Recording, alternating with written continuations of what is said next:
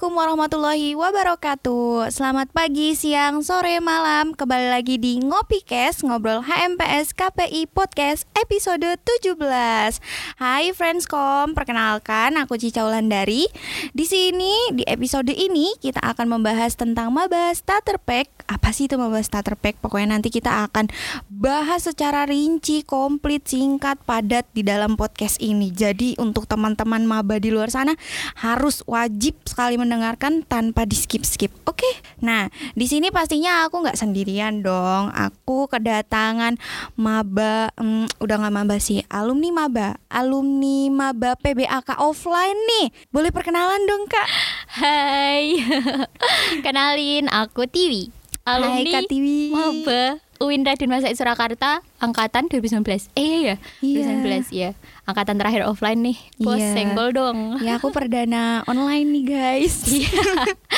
Oke, berarti ntar kita kebetulan ya ini kan tahun ini tahun 2022 kita PBAK-nya offline karena ini kan masih vibes vibes maba mahasiswa baru nih Iya. punya adik-adik baru vibes vibes mau PBAK.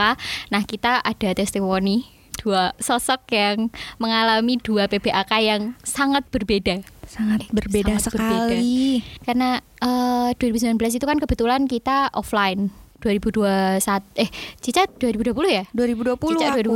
2020 dengan kondisi pandemi dan Kondisi. tahun ini offline pertama after pandemi 2 tahun. Wah. Kebayang gak sih? Ntar Keren banget gimana? sih, kayaknya bakalan boom banget gak sih ini? Excited gak ya? Iya, wah. excited banget ya kita yang Keren udah banget sih. cutting-cutting ini Uh. excited loh menyambut Menyambut. 4.700 maba udah di Keren banget. Surakarta. Kita boleh tepuk tangan dulu dong Claps semuanya. Oke, nanti editor jangan lupa ya. Oh ya, Kasih. siap siap siap. Gimana nih Kak Tiwi kabarnya?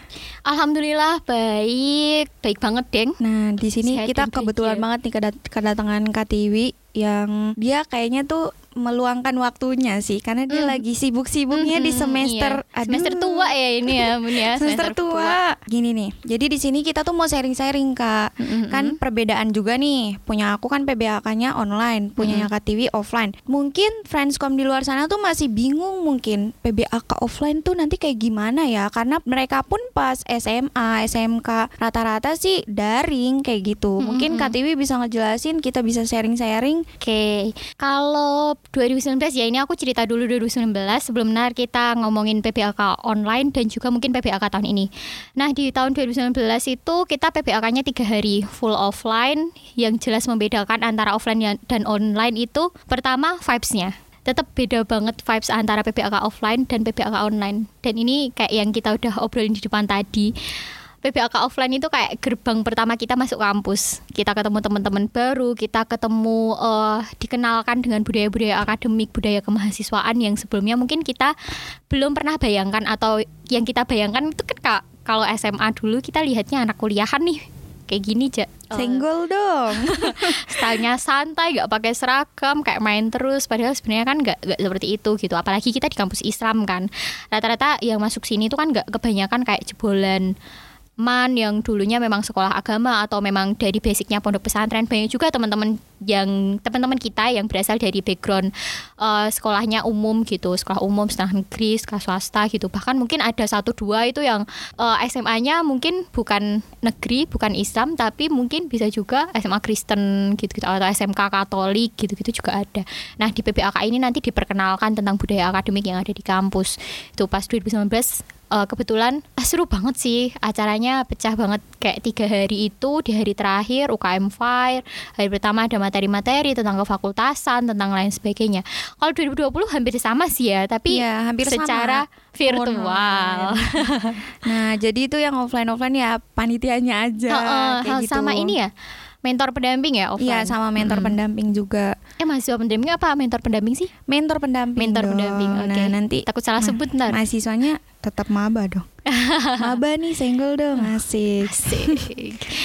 Oke, nah ini ntar kita mau bahas banyak ya tentang sta- starter pack nih. Iya, banyak banget dong yang kita bahas. Wah, ada seribu pertanyaan nih kayaknya. Aduh, ya Allah, sampai besok Bisa nih nggak kita jawabnya ya? berbusa tadi itu jawabnya. Mungkin dari pas PBAK offline-nya KTV itu acaranya tuh yang terakhir UKM Fair ya kak? Mm-mm, betul betul betul. Nah untuk maba-maba sekarang infonya kan untuk hari kedua nih ada UKM Fair-nya nanti hari ketiganya tuh ada apa gitu jadi dipindah kayak gitu. Mm, mm, mm, mm. Oh ya nih KTV mau tanya-tanya juga lika-likunya jadi maba gimana sih KTV prodinya apa dulu nih? Hmm, of course KPI, KPI dong. KPI. Kamu sahabatku, KPI prodiku. Iya. Eh, kita jargon. Oke harmoni dulu dong. harmoni. Ntar Oke. kalau PWA kak kita salam komunikasi harmoni gitu. Nah, KTV itu eh, masuk prodi KPI ini kebetulan disengaja atau tidak disengaja atau salah prodi gimana nih? Kalau aku memang niat dulu sih sebenarnya kalau sebelum kesasar di UIN, IAIN sih aku UIN waktu ya. masuk dulu kan IAIN.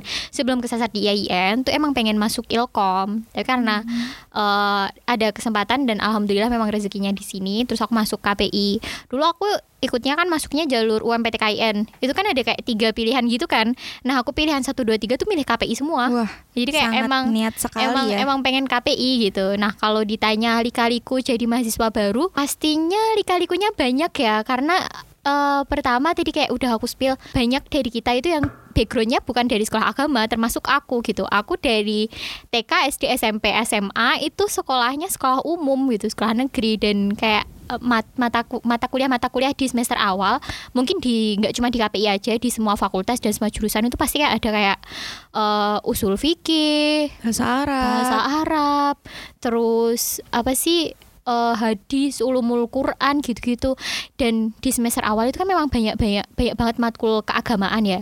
Nah lumayan kaget sih karena kayak kalau di kelas tuh kesannya kebanting. Iya nggak sih kayak kebanting sama anak-anak yang tadinya udah mondok. Udah paham. Heeh, kalau menurut mereka kalau bahasa Arabnya di semester 1 kalau di KPI kan semester 1 ada bahasa Arab. Bahasa Arabnya semester 1 menurut mereka itu pelajaran mereka waktu kelas 1 SMP. Mendasar tuh kayak- banget ya. Heeh, dasar banget dan aku tuh nggak ngerti apa-apa gitu loh. Jadi struggle banget ketika jadi mahasiswa itu di bidang akademiknya. Terus di bidang eh, sosialnya kalau di sini itu kan kayak alhamdulillahnya kita di Solo ya. Solo dengan biaya hidup yang murah, kos-kosan murah, murah. sekali.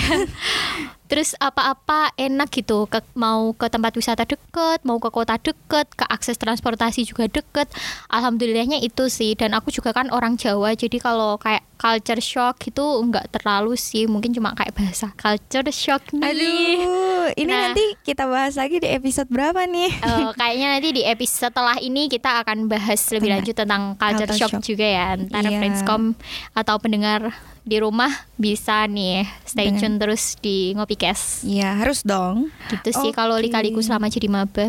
Manis-manis asin pahit. Asam. Asam. Oke nih, kan kalau misalkan PBAK offline itu pasti kita butuh tempat penginapan ya kayak kos kayak gitu sih KTV. Mm-mm. Kira-kira pas KTV maba tuh ini nggak susi- sulit nggak sih kalau misalkan nyari kos kayak gitu? Kalau nyari kos sih, kos sebenarnya banyak banget ya. Area kampus apalagi banyak banget. Mau kos model apa aja ada. Yang susah itu pas zaman maba. Memang kalau aku zaman maba dulu ini aku sharing ya. Ini pengalaman aku. Dulu aku nggak eh, belum dikasih kendaraan karena kebetulan eh, habis kecelakaan jadi belum pakai motor jadi aku jalan kaki emang carinya yang deket-deket kampus. Dan itu memang struggling banget cari kos deket kampus. Itu tuh tricky karena apa ya rata-rata deket kampus tuh mahal. Kalau dia murah pasti udah full. Nah di awal-awal dulu itu aku sempet kayak apa ya numpang dulu gitu loh di kosan temen kosan temen.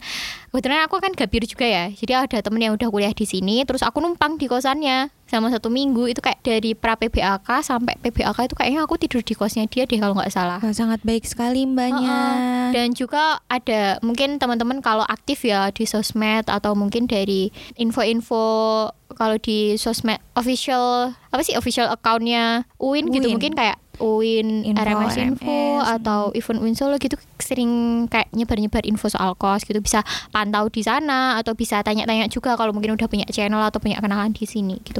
Tapi hati-hati juga sih kadang kan banyak yang nawar-nawarin kayak penginapan gratis. Nah, itu juga tricky. Boleh itu oke banget sih buat meringankan beban, Beban. masa awal gitu ya buat ngirit ongkos lah ngirit, Ngirit ongkos lah. Mm. tapi memang harus tricky juga harus dicek juga gitu takutnya nanti eh, Ada apa nih? ada apa nih gitu Ada apa nih? Oke, mungkin istimewanya sendiri nih Kak Tiwi dari apa PBAK offline tuh kayak gimana sih istimewanya? Kayaknya istimewa banget sih soalnya aku nggak ngerasain juga. Sebenarnya istimewanya setiap format itu punya keistimewaan sendiri. Tapi kalau istimewanya offline ya kayak tadi aku bilang vibes-nya dapat. Pasti vibes-nya dapat dijemur di lapangan, duduk bareng-bareng sama teman-teman maba gitu. Jadi lebih banyak kenal juga karena kalau online kan kita cuma masuk room Zoom on Terus kita cam ngeliat. Ngeliat cuma nyimak materi. Kita jarang bisa interaksi sama teman-teman sesama maba kan. Mungkin teman-teman kelompoknya atau mungkin yang memang dia aktif cari temen dia bisa punya teman banyak. Tapi yang kayak kan nggak semua orang kayak gitu gitu loh gampang bersosialisasi. Jadi kadang kalau maba online itu yang PBAK-nya online pas nanti ketemu KMB, KBM offline PTM full kayak habis ini nanti ntar kita 100% PTM full ya Iya. Nah, dong. itu Jadi kayak kita ada yang- ketemu. masuk kelas terus nggak kenal siapa-siapa gitu loh. Jadi kayak senengnya PBAK tuh ntar kita bisa ketemu teman-teman baru gitu, bisa kenalan dengan lebih banyak orang. Wah, berarti bersyukur banget nih maba-maba sekarang ya PBAK-nya alhamdulillah diadakan loh. offline. Berarti kita tuh udah melewati dua PBAK online ya. Mm-mm. Angkatanku 2020 sama 2021. 2021. Tapi ada juga sih istimewanya yang online karena enak kita nggak usah perlu ongkos sih mbak. Iya, oh, bener banget. Terus juga kita serunya tuh pas zamanku PBAK online itu enaknya juga jadi di layarnya itu ini diperkenalkan maba-mabanya gitu loh. Lucu ada yang pakai Hmm. stiker-stiker. Oh, gitu ya. Iya. Kayak di screennya terus nanti di spill gitu iya, ya. terus mereka kenal-kenalan kayak gitu. Hmm. Cuman ya itu sih minusnya. Jadi kita nanti di kelas tuh kayak harus Se- pece-pecehan uh-uh. dulu lah nih. Adaptasi lagi ya. Adaptasi, lagi baru. lagi. Bahkan muka-muka teman-temanku pun sampai sekarang aku belum terlalu hafal banget. Mungkin teman-temanku yang di sana juga belum hafal banget. Cica Iya, yang mana bisa, ya? Bisa jadi sih, bisa jadi. Iya, Gitu. kayak gitu sih. Jadi ya semua ada keistimewaannya masing-masing. ada nih, plus minusnya masing-masing lah gitu. Jadi ntar mau bawa bawa 2022 nikmatin saja karena kalian dapat jatahnya offline. Mungkin yang berharap ah semoga online semoga online biar nggak ongk nggak harus bayar kosan biar nggak harus ongkos eh, segala macam ya terima aja kita offline gitu. Oke, berarti gitu ya tadi kurang lebihnya Katiwi. Nah, terus masuk lagi nih Katiwi. Kan kalau di SMA, SMK kita kan dari mata pelajarannya udah udah ada nih dari sekolahan. Jadi kita nggak usah nentuin. Nah, kalau kuliah kayak gini nih kayak gimana nih Kak? Mata pelajarannya Kak gimana? Kan kalau di SMA kan kita kan udah ini langsung dapat dari sekolahan nih.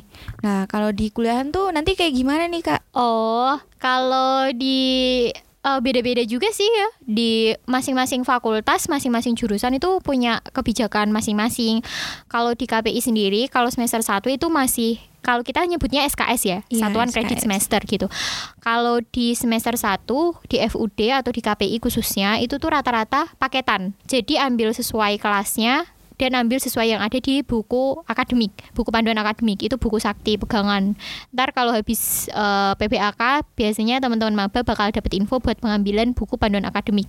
Nah, nanti kalau semester 1 bisa cek di sana ambilnya paketan. Setelah itu nanti kalau udah lewat semester 1, semester 2 dan seterusnya, kita pakai sistem KRS-an luar. Wow. War KRS-an kalau KPI ini ya, war KRS-an. Jadi ntar kita siapa cepat dia dapat. Dan eh, agak sedih juga sih karena kalau tiap KRS-an tuh biasanya hari pertama malam pas server dibuka itu langsung down biasanya. Tapi ya itu sih asiknya kayak, ah ini servernya down gitu terus nunggu nungguin. Karena mungkin saking banyaknya kali ya yang mau ngisi. Hmm, yang akses kan banyak. Mm, mahasiswa UIN juga banyak sekali. gitu sih kalau matkul memang beda-beda ada juga yang kayak jurusan memang dia dari semester 1 sampai semester akhir dia memang paketan jadi harus sesuai dengan paket SKS yang ada gitu kalau KPI sendiri kita modelnya war sih. War. tapi ada beberapa PA juga dosen pembimbing akademik. Jadi ntar kalau eh, kalian udah masuk sebagai mahasiswa habis KRS-an nanti bisa dapat dosen pembimbing akademik. Jadi itu nanti eh, istilahnya kalau di sekolah sebagai wali kelas kalian. Ada juga dosen pembimbing akademik yang menerapkan peraturan bahwa kalian tuh memang harus ambil sesuai kelas kalian sendiri. Gitu juga ada. Jadi kayak kita kalau soal matkul dan SKS itu eh, lebih apa ya lebih cair gitu loh menyesuaikan aja Oke, mungkin nanti Friendscom bisa lebih lanjutnya lagi ketika setelah PBAK ya kak. Nanti kan dapat buku panduannya juga, nanti bisa dibaca-baca. Mm, betul, nanti betul. bisa temuin Katiwi aja. Nomornya di bisa, bawah ini, bisa. di bawah ini ya bisa nomornya. boleh Oke. Nah, terus gini nih Kak Tiwi, kan kadang tipe orang tuh beda-beda ya, tipe orang beda-beda. Misal eh, aku punya temen dia tuh dulunya tuh pas maba tuh kayak pendiam, terus setelah gabung sama teman-teman lainnya tuh sekarang jadi kayak lebih terbuka, lebih enak. Nah, mungkin dari PBAK offline ini ada sangkut pautnya nggak sih sama kayak gaya hidup mereka, tipe-tipe mereka lah. Ya istilahnya kayak circle gitu. Nanti bisa ngebentuk circle-circle gitu nggak? Hmm, kalau masih maba sih saranku bertemanlah dengan sebanyak mungkin orang. Memang kalau untuk berteman kan ada menurut seseorang seorang bijak gitu, orang bijak itu kan kata orang bijak, kita harus memilih-milih teman karena teman itu akan menjadi cerminan diri kita. Kebiasaan teman itu akan menjadi cerminan kebiasaan kita.